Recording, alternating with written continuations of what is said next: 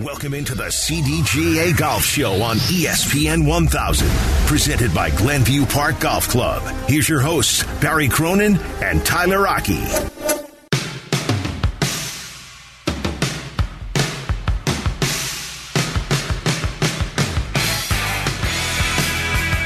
Welcome in. It's the CDGA Golf Show presented by Glenview Park Golf Club. I'm Tyler Aki alongside Barry Cronin. This segment brought to you by Golf Elgin, home of Bowes Creek Country Club and the Highlands of Elgin. Let's welcome on in Kevin Streelman from the PGA Tour, and he is being inducted into the Illinois Junior Golf Association Hall of Fame. He joins us on the Jersey Mike's hotline. Jersey Mike's a sub above. Good morning, Kevin, and congratulations.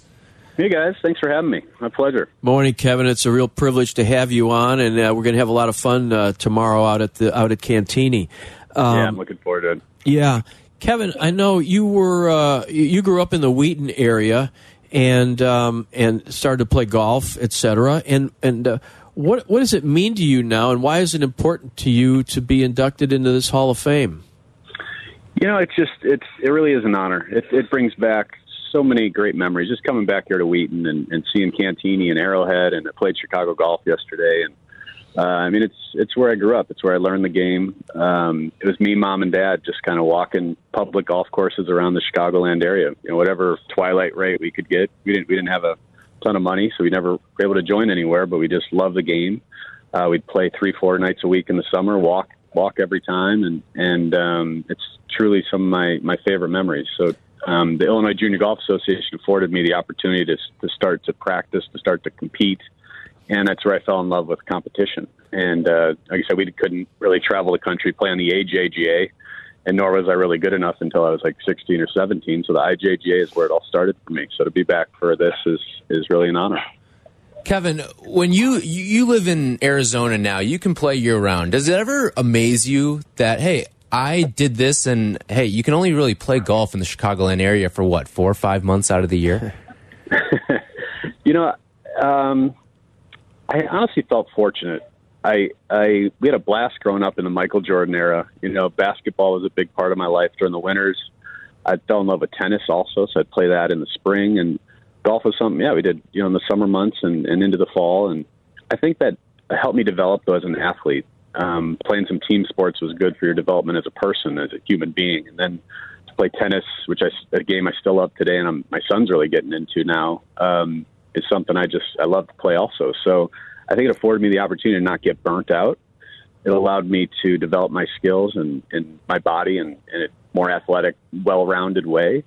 And uh, and it, it I think most importantly, I, I wasn't burned out. I see some of these kids who play year round now, especially out in Arizona, and I think they have to do that to, to become the best in the planet. And I just don't think that's the case. Yeah, there's the Tiger Woods way of uh, of Earl sitting him in the uh, high chair at age two and watching Earl beat balls into the back of the garage, into a mattress or a net in the back of the garage. Um, and I think a lot of people, a lot of parents think, hey, that's the road to greatness. Yeah. And, and you're basically saying, you know, calm down. Yeah, of course. No, we're, we're my goal with my children is to raise great people and great citizens first, and um, it's not to try and beat a sport that they might not even fall in love with, uh, you know, in, into them from from birth. So uh, if that were to happen later, they it's you got to push that on your own quite a bit, and and uh, you know just see what happens. But, but I, I tell people I didn't really get good at golf. I mean, like really good at golf till I was 25, 26. It took a few years of development on the mini tours and uh, four years at a, at a great university, but um, it was it wasn't until I kind of hit the road by myself on, on the mini tours where where I said I either either need to get really good at this or I need to find something else to do with my life. And unfortunately, uh, it's been a been a fun journey. Right, and you were a caddy at Chicago Golf. Uh, you went to high school at Wheaton Warrenville South, where you guys had a really good team, obviously. And then you were recruited uh, to play at Duke University, uh, which is pretty darn prestigious. And the nice thing is, you you could play all year round, pretty much uh, out there in uh, beautiful Yep. North Carolina. Yep. Yep. Yeah, that was a big uh, part of me going there. I was by that time I just was madly in love with the game of golf and and wanted to get better. And Duke just afforded a great opportunity to get get south south of the Mason Dixon there and and uh, play year round and also go to a great university, and we also had fun. It was just a really well balanced uh, school to go to, and uh, afforded me the opportunity to meet some great friends and, and start to really kind of figure this game out to a degree. You never really figured out, but kind of thought I did. And you know now uh, the young uh, players who come out of uh, great schools and everything, they have a pathway to the PGA Tour through the um, yep. through PGA Tour University now, and, uh, and prior to that, the Latino America Tour, the Canadian Tour, the Corn Ferry Tour, whatever we calling it this week, uh, Hogan Tour, Nike Tour. Um, uh, but in your era, you're sort of the Zach Johnson era, right? You're in your mid 40s now, and, and both of you, you had to go out. You played six years on the mini tours, which is people who don't know what mini tours are. It's the was the Hooters tour, the Dakotas tour, um, etc. And uh, that that's living out of your your car, really. Yeah, yeah, we were living out of our cars. It, it was, uh, you know, the, the, you put the rack up in the back, and all your clothes would be hanging hanging in the back of your car. The, the driver's, uh, the passenger seat was pretty much your office. You put like your computer there, and, and actually, this was before the iPhones, and and I had a Rand McNally Atlas and you'd be flipping from North Dakota, then trying to get to South Dakota, trying to match up the highways of which one you're going to, and how do how do I get to Fargo? How do I get to Minot, North Dakota? I mean, it's just hilarious and great memories. And um, you know, staying at the cheapest hotels you could. The if you had four guys in a room, like the the best rounds of the day would get the beds, and the other guys had to sleep on the floor. you know, it was just it was awesome. We didn't have a penny to our names, but we uh, had a passion for the game, and a lot of great people helped us along the way. We stayed in people's extra bedrooms and stayed on their couches and barbecue in their backyards and drink some beer with them, and just like it's just really been a, an incredible journey. Um, some of those dead broke mini tour days are some of my favorite favorite moments of my life. Kevin Streelman joining us here on the CDGA Golf Show on the Jersey Mike's Hotline. So, Kevin, you brought up everything that you had to go through to get to the PGA Tour, and it's a real grind of a life. What made it worth it for you to keep going, as opposed to maybe bowing out and say, "All right, I can I can go get something more stable somewhere else"? Uh, you know, a big moment was actually when I, I Monday qualified for the Western Open in 04. And it was the week before I actually went for the assistant coaching job at Duke. And it came down to me and one other other guy, Jim uh, Kaczynski, and, and Jim ended up getting the job. And I was left here, you know, pretty much nothing. I was staying with my parents. I was 24, had tried two years of mini tours, was terrible. And my dad gave me 400 bucks to go try and Monday qualify for the Western Open out at Bolingbrook Golf Club. And I went around and shot a 67 and got got like one of the last spots, the four spots. I think I finished fourth. And um, next day was playing with uh, Mike Weir in a practice round out at Dubsdread and Mike had just won the Masters that year, and uh, I, I watched him really intently. He was super kind to, to me and my buddy Paul, who was caddying for me. But watching how he hit it, I, I drove it longer than him. I drove, I've always been a great driver of the ball. I fit my irons nice. I, I looked at him as one of the best, the time top five in the world. I was like, he's obviously an incredible putter and short game and great mind, and oh, but I think I can hang. Like it just was, it was a big moment for me to understand that I was good enough if I put the work in in the right places. I've never never been afraid of working hard at the places I needed to work at and understanding my deficiencies or my um, strengths. And um, that was a big moment. Even though I missed the cut that week, and it was kind of back to the drawing board, but I knew I, I knew I could do it if I had uh, more of the opportunity. And some people along the way allowed me that opportunity, and um, I went out and did it. So that was, you know, getting that tour card at uh, 27 in 2007. Um, having my parents there, having a bunch of my sponsors there, having my fiance at the time, now wife Courtney there, like hugging them with just tears everywhere. Like that was a really cool moment. But in a way, that was just the beginning too, because I didn't know if I could stay. And um, you know, to now be finishing up my 15th straight season out there, it's just I couldn't have dreamed that, you know, 15 years ago. Right, and you went to Q school six times. You worked as a substitute teacher uh, in the winters mm-hmm. here. You'd go out to the Bensenville Golf Dome and uh, yep. the old, the former Bensenville Golf Dome, uh, dome uh, run by, run by our buddy uh, Mike Monroe. Yeah, sure. For all those years, uh, you know, and stand there till till Mike turned off the lights. yeah, um, and then, and you had a big year in 2008, your rookie year. Tell us about that, the Buick Open at Torrey Pines. What what happened that year? Well, it was only my third event as a member. I'd made the cut in Hawaii, which I was thrilled about because last place money there was more than I could ever make on a mini tour event. And then uh, go to Palm Springs and miss the cut there. But then I go to Torrey and I'm like the last alternate in. I think it was fourth alternate. And I get in Thursday morning. They're like, you're on the 10th tee of the South course in 12 minutes. So me and my caddy just start running. We get out there and I shoot like 69 on the South. And I go, I think 67 on the North course the next day. And I'm leading the golf tournament. well, this is before, you know, 2000, early 2008. Tiger's number one in the world by a million. And we're just watching his name come up the leaderboard. And we end up tied. Either maybe I was up one or we were tied going into Saturday, but I knew I'd be in the final group, final pairing, final tee time with Tiger at Torrey Pines, and um, it was incredible. I mean, I didn't sleep hardly a wink that night. Neither did Courtney. I remember I was getting a movie, at, like renting a movie at two in the morning because we were wide awake. It was like we're sitting in a hotel room. So we wake up and play, and it was a really great experience. I mean, I watched Tiger shoot a 66. I think he won the tournament by eight. But I think I shot a 73 or 74 and I had just a few kind of silly shots. But it was like it was a big it was probably the second most important moment of my professional career, just because it was I, I knew I could do it. Like I, it was important mentally and personally to have the confidence to know I belonged.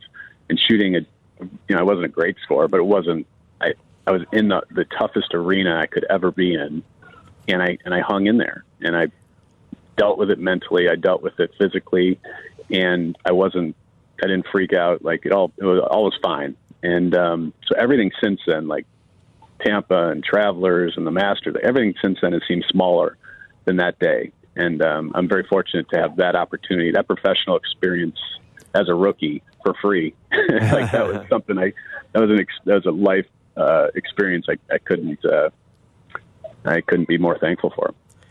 And I think then you even later that year you were also at Torrey Pines where you led the tournament. Yeah, yeah. I've had some fun ones at Torrey, but yeah, I shot a nice. I went three under the first round of the U.S. Open. Was leading the U.S. Open there a few months later. wasn't leading it after the second round, but after the first round. but it is remarkable that you've stayed on the tour ever since uh, ever since your rookie year 2008. A lot of guys lose their cards, etc. But you've been your consistency in, in keeping, and I think you've been in every FedEx Cup player playoff since they started. Yeah, yeah yeah, my wife is thankful for that. Kevin Streelman with us here on the Jersey Mike's hotline. So, Kevin, one of the hottest things in all of golf right now, and, and the burning question for everyone. uh, I, am winding up for you here. I'm giving you a little time to think about it, but um, the the LIV Tour and, and what it's done for golf, and it feels like we may be approaching a split in the road. What have you made of the LIV Tour, and have you been approached by LIV Golf? Um, I think I was ranked when they first started coming out a month ago. I was in near the top 50 in the world in rankings, and we all, we all got emails. Our agents did, and um, I never responded nor was interested in it. Um, I think it's probably the saddest thing I've seen in professional sports. Um, it's obviously a real thing, and it's uh, it's going to be here for at least a few years. Um, you know, the, the scary thing I'm sure for those guys who have taken the money is if Mohammed bin Salman decides to pull the money in a few years, then they could be left hung out to dry. But I can't blame I can't blame a young upcoming player for getting you know offered an obscene amount of money um, to go you know play in this kind of exhibition thing they're putting on. But I don't think it's real professional golf. I don't think it's um, you know, the 54 hole shotgun start is not how golf courses are designed. It's not how tournaments are designed. It's not historical. It's not really relevant. Um, there's some good players clearly that are, are, are deciding to go, but I think one day when they look back at their careers and uh, talk to their children about what and why they did it, especially giving up Ryder Cup captaincies, I think they're going to be uh, a little disappointed in their decision. Very interesting, Kevin, and uh, um, and uh, it, it, we're supposed to have a tournament here. We're going to have a tournament here at uh, Rich Harvest Farms in mid September. It'll be a, a, LIV tour event, and uh, you know they're selling tickets, and uh, people I guess are going to go. And uh, it'll be it'll be an interesting thing to see. Um, I guess the real question is if you're a younger guy, they're they're starting to, you know, as you know, you're in your early 40s, Kevin. You know how hard it is for the guys in their early 40s to compete with some of these young players that are coming out right now who hit it 10 miles and and they're so much more well prepared obviously than you were than when you when you came out of college. Uh, these guys are winning at, a, at, at very young ages. Um, I, I think obviously when you're in your 40s like a lee westwood or a stenson or whatever you're not winning anymore. You're going to take that money. Um, but now they're going to target younger players. Obviously, uh, the Cameron Smith is obviously on their list. Um, a lot, all those guys are on their list. Like you said, the top fifty in the world, and probably the guys coming out of college, a Pierceson Coody. Um, uh, what, what, how do they, how do you, how does the PGA Tour keep those guys from going to LIV? Uh, it, it's obviously come come come down to the individual and where your you know beliefs are in yourself and where you want your legacy to be. And um, a lot of guys are you know the older guys saying, well, it's so tough out there now. It's it's the guys are so good. Like, well, well, yeah. What do you think you signed up for? PGA Tour is the best golfers in the world. So, I mean, if you're not good enough to play on it anymore, then you're going to go. If you want to still play, go somewhere else. But just say you're doing it for the money. I mean, don't come up with all these trying to grow the game garbage and and all these excuses that that they're just trying to rationalize their decision to sell out for money. And if that's what you're going to do, it's fine. But also don't don't be surprised when the public and their peers, aka us, a don't welcome them back to the tour, and also, um, you know, they're going to look at your career in a different way, in a different light, because you took money. So it's fine. I'm not I'm not losing any sleep over it. but you know what? The, the public's going to look at your career in a different way. So they're going to have to deal with that too.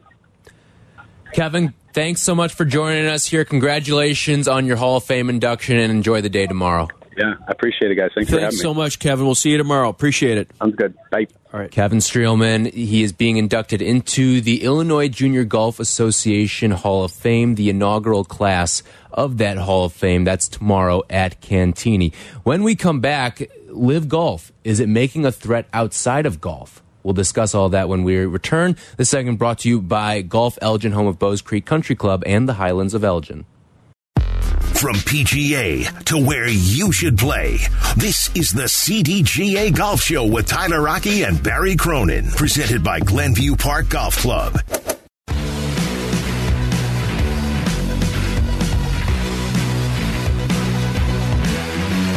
This segment brought to you by Cog Hill Golf and Country Club, a pure golf experience. Tyler Aki and Barry Cronin with you here. It's the CDGA Golf Show. If you missed anything, including our interview we just had with Kevin Streelman, check it out on the ESPN Chicago app or wherever you get your podcast, the CDGA Golf Show. So, LIV Golf has taken over sort of the the golf landscape. You, have heard LIV Golf, you've become more familiar with what LIV Golf is, but it looks like they may be starting to spread their wings a little bit now. It kind of the domino started to fall earlier in the week when a one-time guest on this show, and it, I think now the first guest with LIV Ties, David Feherty, is joining the LIV Golf broadcasts, and this is one of those things where this is probably outside of the players. This is a the first major domino to fall outside of the physical jumping of players. You're getting one of the highest profile golf personalities to jump over to the LIV tour and he's going to leave NBC as a result of that and he's going to get involved in some of these broadcasts and it makes you start to think that there is some sort of broadcasting deal on the horizon for LIV Golf. Well, um, I remember well when when David Feherty left CBS, he had a very high profile gig. He was the he was the um, man who was marching around on the uh, on the golf course, oftentimes following Tiger Woods uh, through his uh, great years. And then he had this show on uh, on Golf Channel, which is owned by NBC. So NBC decided, I guess, that they needed to have him in their in their um, uh, uh, you know, whatever in their i i with NBC, Yeah. not CBS. So when he went to NBC, his profile as an announcer, to me, went way down. Um, he didn't have to walk the golf course anymore. Probably part of the deal. He's in his 60s now. Um, and I thought that his profile at NBC really diminished, whereas his personality came out a lot on CBS. And I think from a career standpoint, I think he went downhill. Um, he's still obviously doing his his TV show is off the air now on Golf Channel. He doesn't have that show anymore, so he's not getting paid for that. Um, his profile on the golf broadcast is is way down, and um, I, I you know, and and of course we talked to him before he did his show at the uh, out in. Uh, We broke some I- news to him, too. I think it was yeah we did. What, what- yeah, what the, It was it was that Phil Mickelson wasn't going to be defending his PGA championship. Right, and and David didn't know that, which was kind of weird because it had been on. He had It'd been out for a he'd been couple out days. for a while. I think he had just woken up from like a three day slumber when he joined us. yeah, yeah, yeah. So you know, I, I like David. I think he's a good guy and everything. But this is really sort of, hmm, you know, um, they make a big deal out of everybody that they get. Um, but David's David's profile as a golf announcer has really gone down in recent years, and um, you know he may not want to travel the uh, the uh, the uh, casino circuit and doing his act there, and who knows how many people they're getting there? I don't know. Um, at, at each show, it's it's a bit of a grind to be on tour. So, you know, he he's making personal decision. They probably gave him a bunch of money, and. Um, you know, it's a good retirement uh, plan for him. Uh, uh, they only have right now eight vents, and um, next year I think uh, Norman says they're going to have twelve, and then eventually fifteen. And um, no, who knows if they're going to have a network? We don't know. Maybe they will. Um, they'd have to get Fox to do it because they're the only um, over-the-air station that doesn't have golf. I don't know that ABC wants to do it.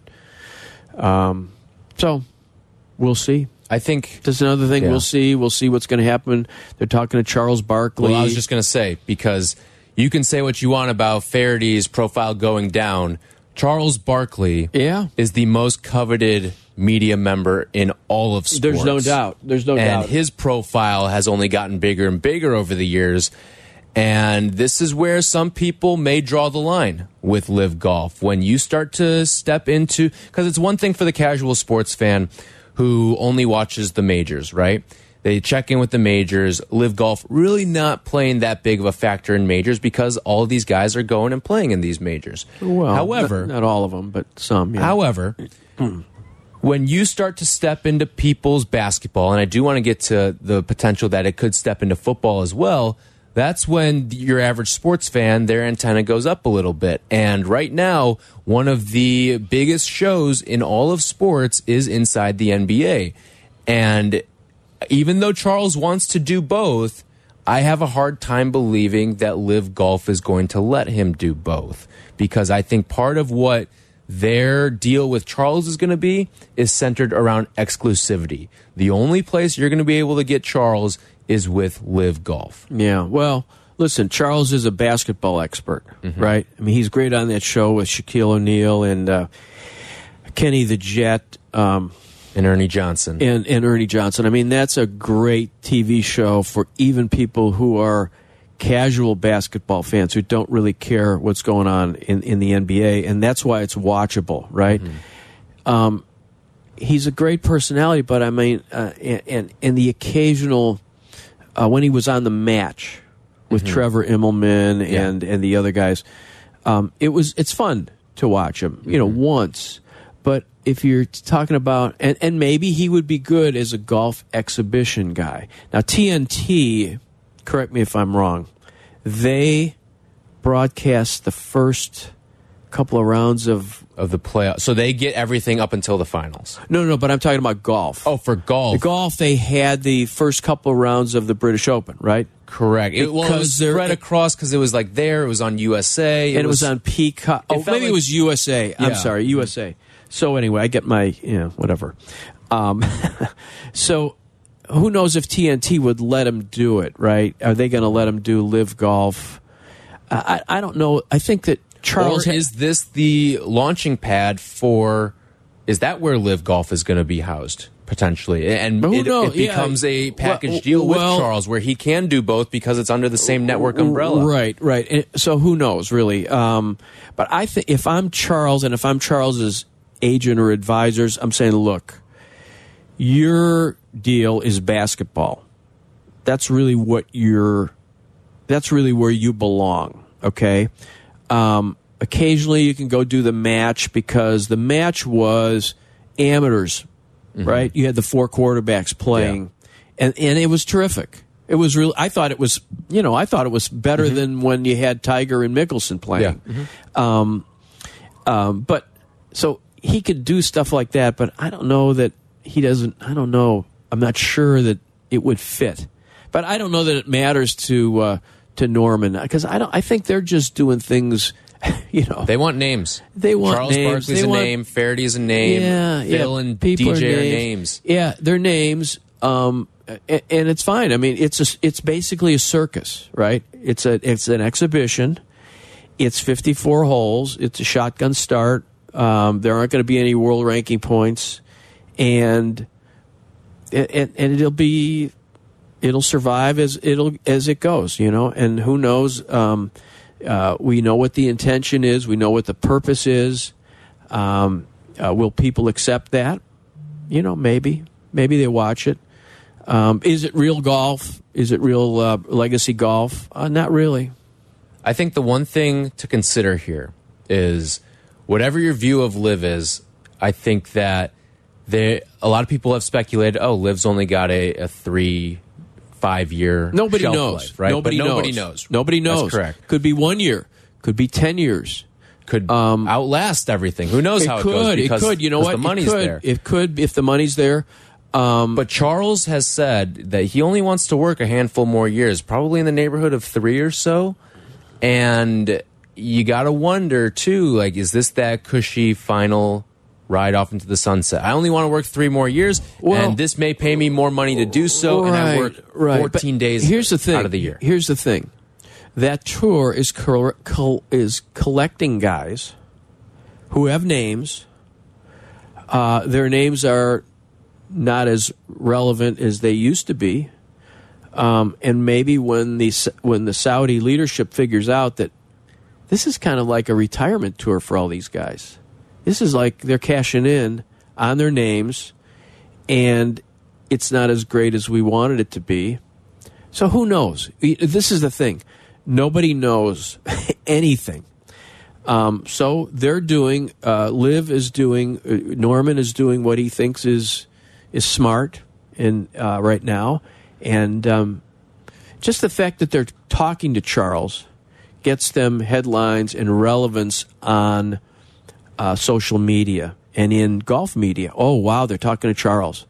In other words, it's not the tournaments that are that are g- getting their you know, oh wow there's an upcoming tournament at uh, bedminster at trump's course at bedminster i mean that's sort of oh wow t- Hen- henrik stenson is going to play there okay well he played at the british open too and did that make any difference in, in the in the scheme Right. of things no mm-hmm. i mean dj and and bryson finished in the top 10 that's relevant i mean that's that's important you know for them mm-hmm. because they've got two players who were relevant to all the other players, the PGA Tour players, and in, in a major. So, and those guys still are exempt for majors for a while. Right. So, would Charles Barkley make you watch LIV golf? We want to know 312 332 3776. Is he going to get you to turn on the television or YouTube or whatever platform he's going to be on if he were to join LIV golf? 312 332 3776. Also, Mike Florio from Pro Football Talk had an interesting proposition. Could LIV golf create a rival league to the NFL. We'll discuss that and hear from Florio when we come back. This segment brought to you by Cog Hill Golf and Country Club, home of 42 practice bays with Toptracer technology. How's your golf game? Yeah, mine too, but more on that later. It's time for more golf talk on the CDGA Golf Show, your guide to golf around the world and in your neighborhood. The CDGA Golf Show on ESPN 1000. Here are your hosts, Barry Cronin and Tyler Aki.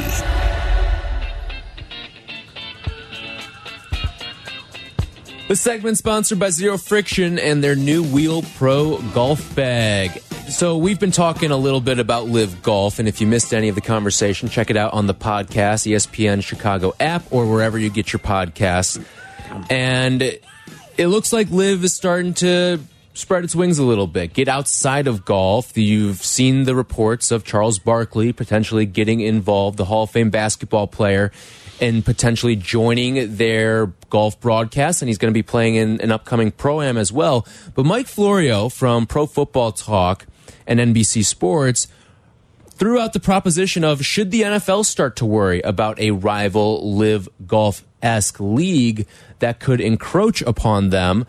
And the one thing that's always been constant with the NFL is they've had more money than any sort of competitor that comes to play ball with them.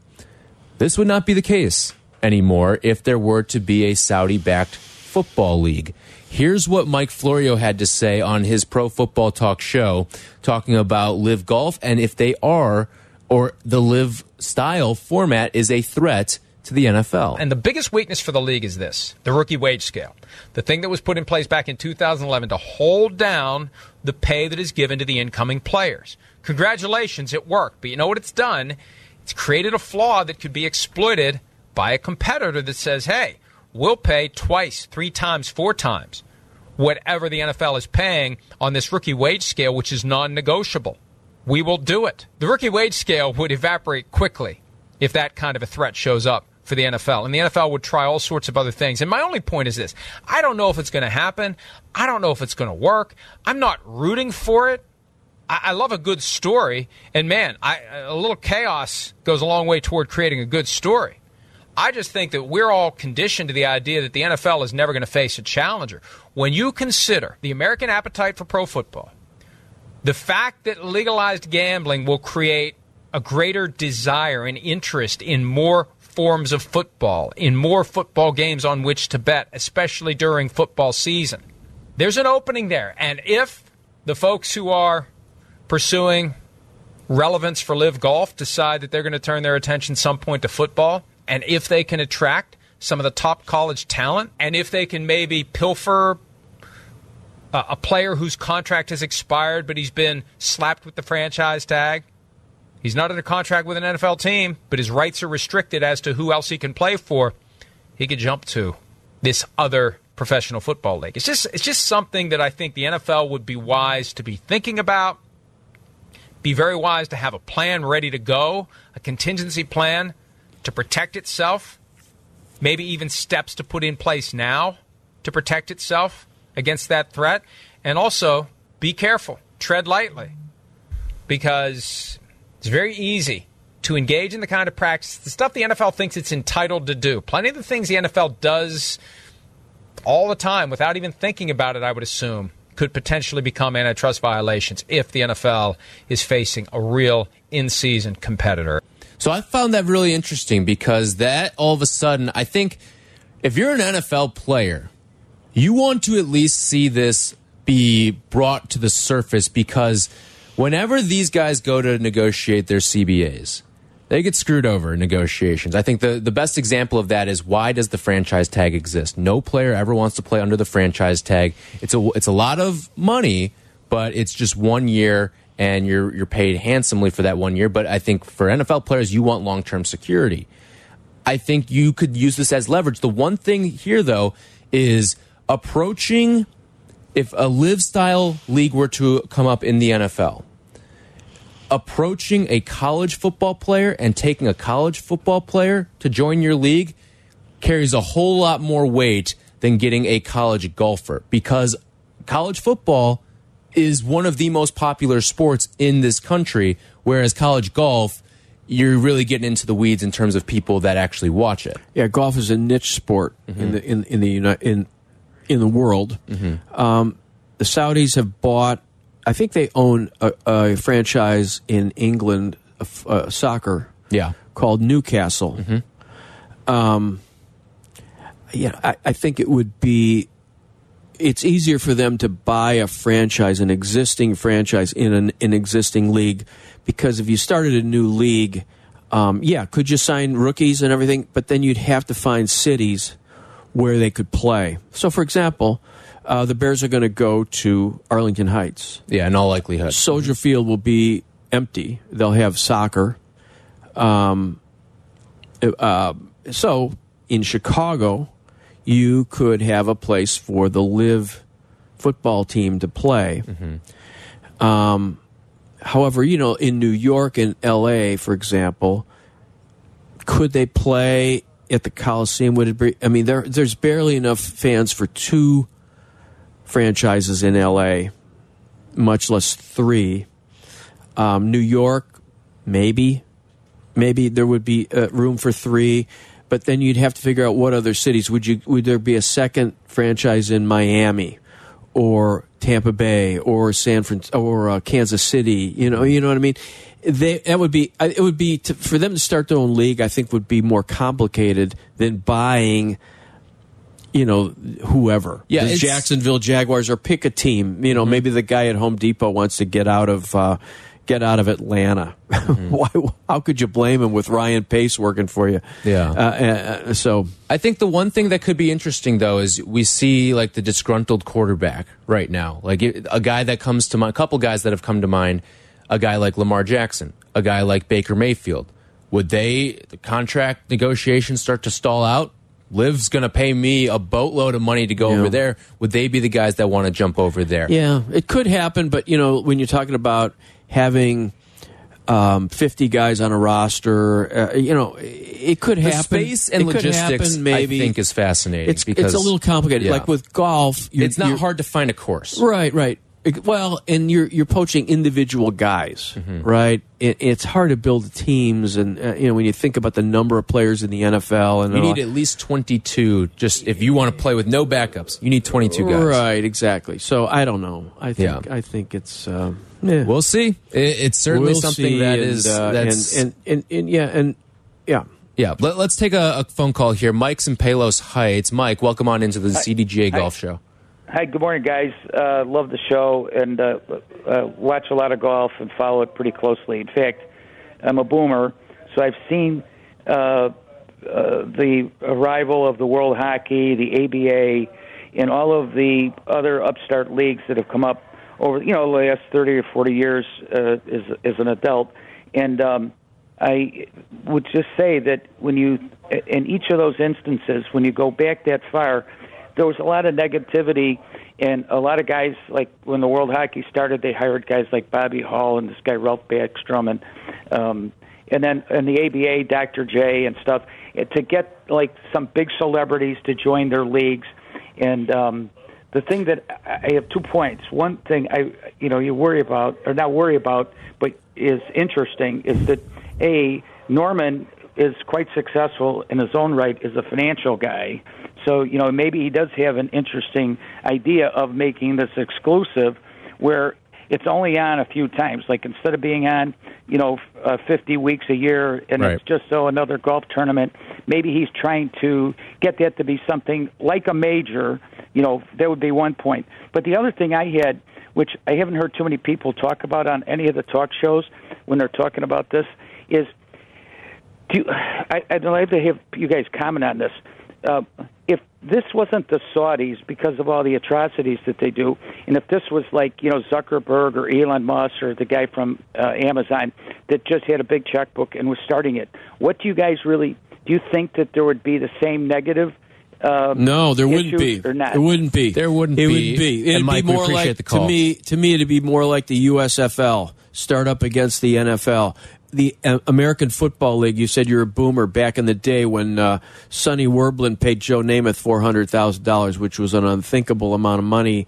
Uh, then and, and it really made the uh, American Football League, and then they got on NBC, and it was a fun game to watch. They threw the ball a little bit more, and then they wound up merging um, that happened, and I think that was just American business going on. This is a different deal. So when you talk about the U.S. Justice Department looking into uh, um, uh, the antitrust issue now, um, uh, you, you know, uh, I, I don't think that they're going to find the same. It's not. It's not equivalent. It's an American business. It's not an American business trying to get anything. It, this is a different. It, the whole purpose of this is a sports washing uh, issue, and um, And listen, we'll see what happens. Bezos is rich, but the Saudi Public Investment Fund has four times the wealth that he Well, does. and it now has eight times the wealth because gas is six bucks a gallon. Um, they're they're they're benefiting from uh, uh, you know the shortage of gasoline and oil in the U.S. So. All right, this segment brought to you by Zero Friction, the most innovative products company in golf. We'll hop around the CDGA when we come back on the CDGA Golf Show. Welcome into the CDGA Golf Show on ESPN 1000, presented by Glenview Park Golf Club. Here's your hosts, Barry Cronin and Tyler Aki. This segment brought to you by X Golf Downers Grove, easy access off of I 88 and I 355. Thanks to Kevin Streelman. Thanks to Jake Cantu for producing today. Let's hop around the CDGA real quick, Barry. What do you have for us? Well, the CDGA. Sorry, the CDGA runs the uh, uh, Illinois State Amateur. It was at Westmoreland Country Club in Wilmette. Mac McClear of Hinsdale, who'll be a senior at Iowa, won the tournament. Tommy Kuhl of Morton, Illinois, a senior at Illinois, finished second. At uh, Sunset Ridge Country Club in Northfield, uh, the women's Western Amateur, uh, Taglio Vi- uh, Jiravivitaporn of Thailand, they call her JJ. Uh, she plays at Iowa State. She uh, defeated Annabelle Pancake of uh, Zionsville, Indiana, who will be a junior at Clemson. Two and one in match play final yesterday. Several uh, local girls made the uh, uh, made the uh, match play top thirty two, so that was good for them. Doug Ghim is currently T three. He's of Arlington Heights, by the way. Thirteen under par at the three M Championship in Minneapolis on the PGA Tour. Nick Hardy is T fifty nine, so he'll have to have a good. Uh, a good Sunday uh, match. So, anyway, right. those are kind of the local things going on. And if you're interested in watching a little good golf right now, it's watch the uh, turn on the uh, uh, the the LPGA. All right, this a major going brought on. to you by X Golf Downers Grove with easy access off of I 88 and I 355. Xander and Hanley coming up at 10.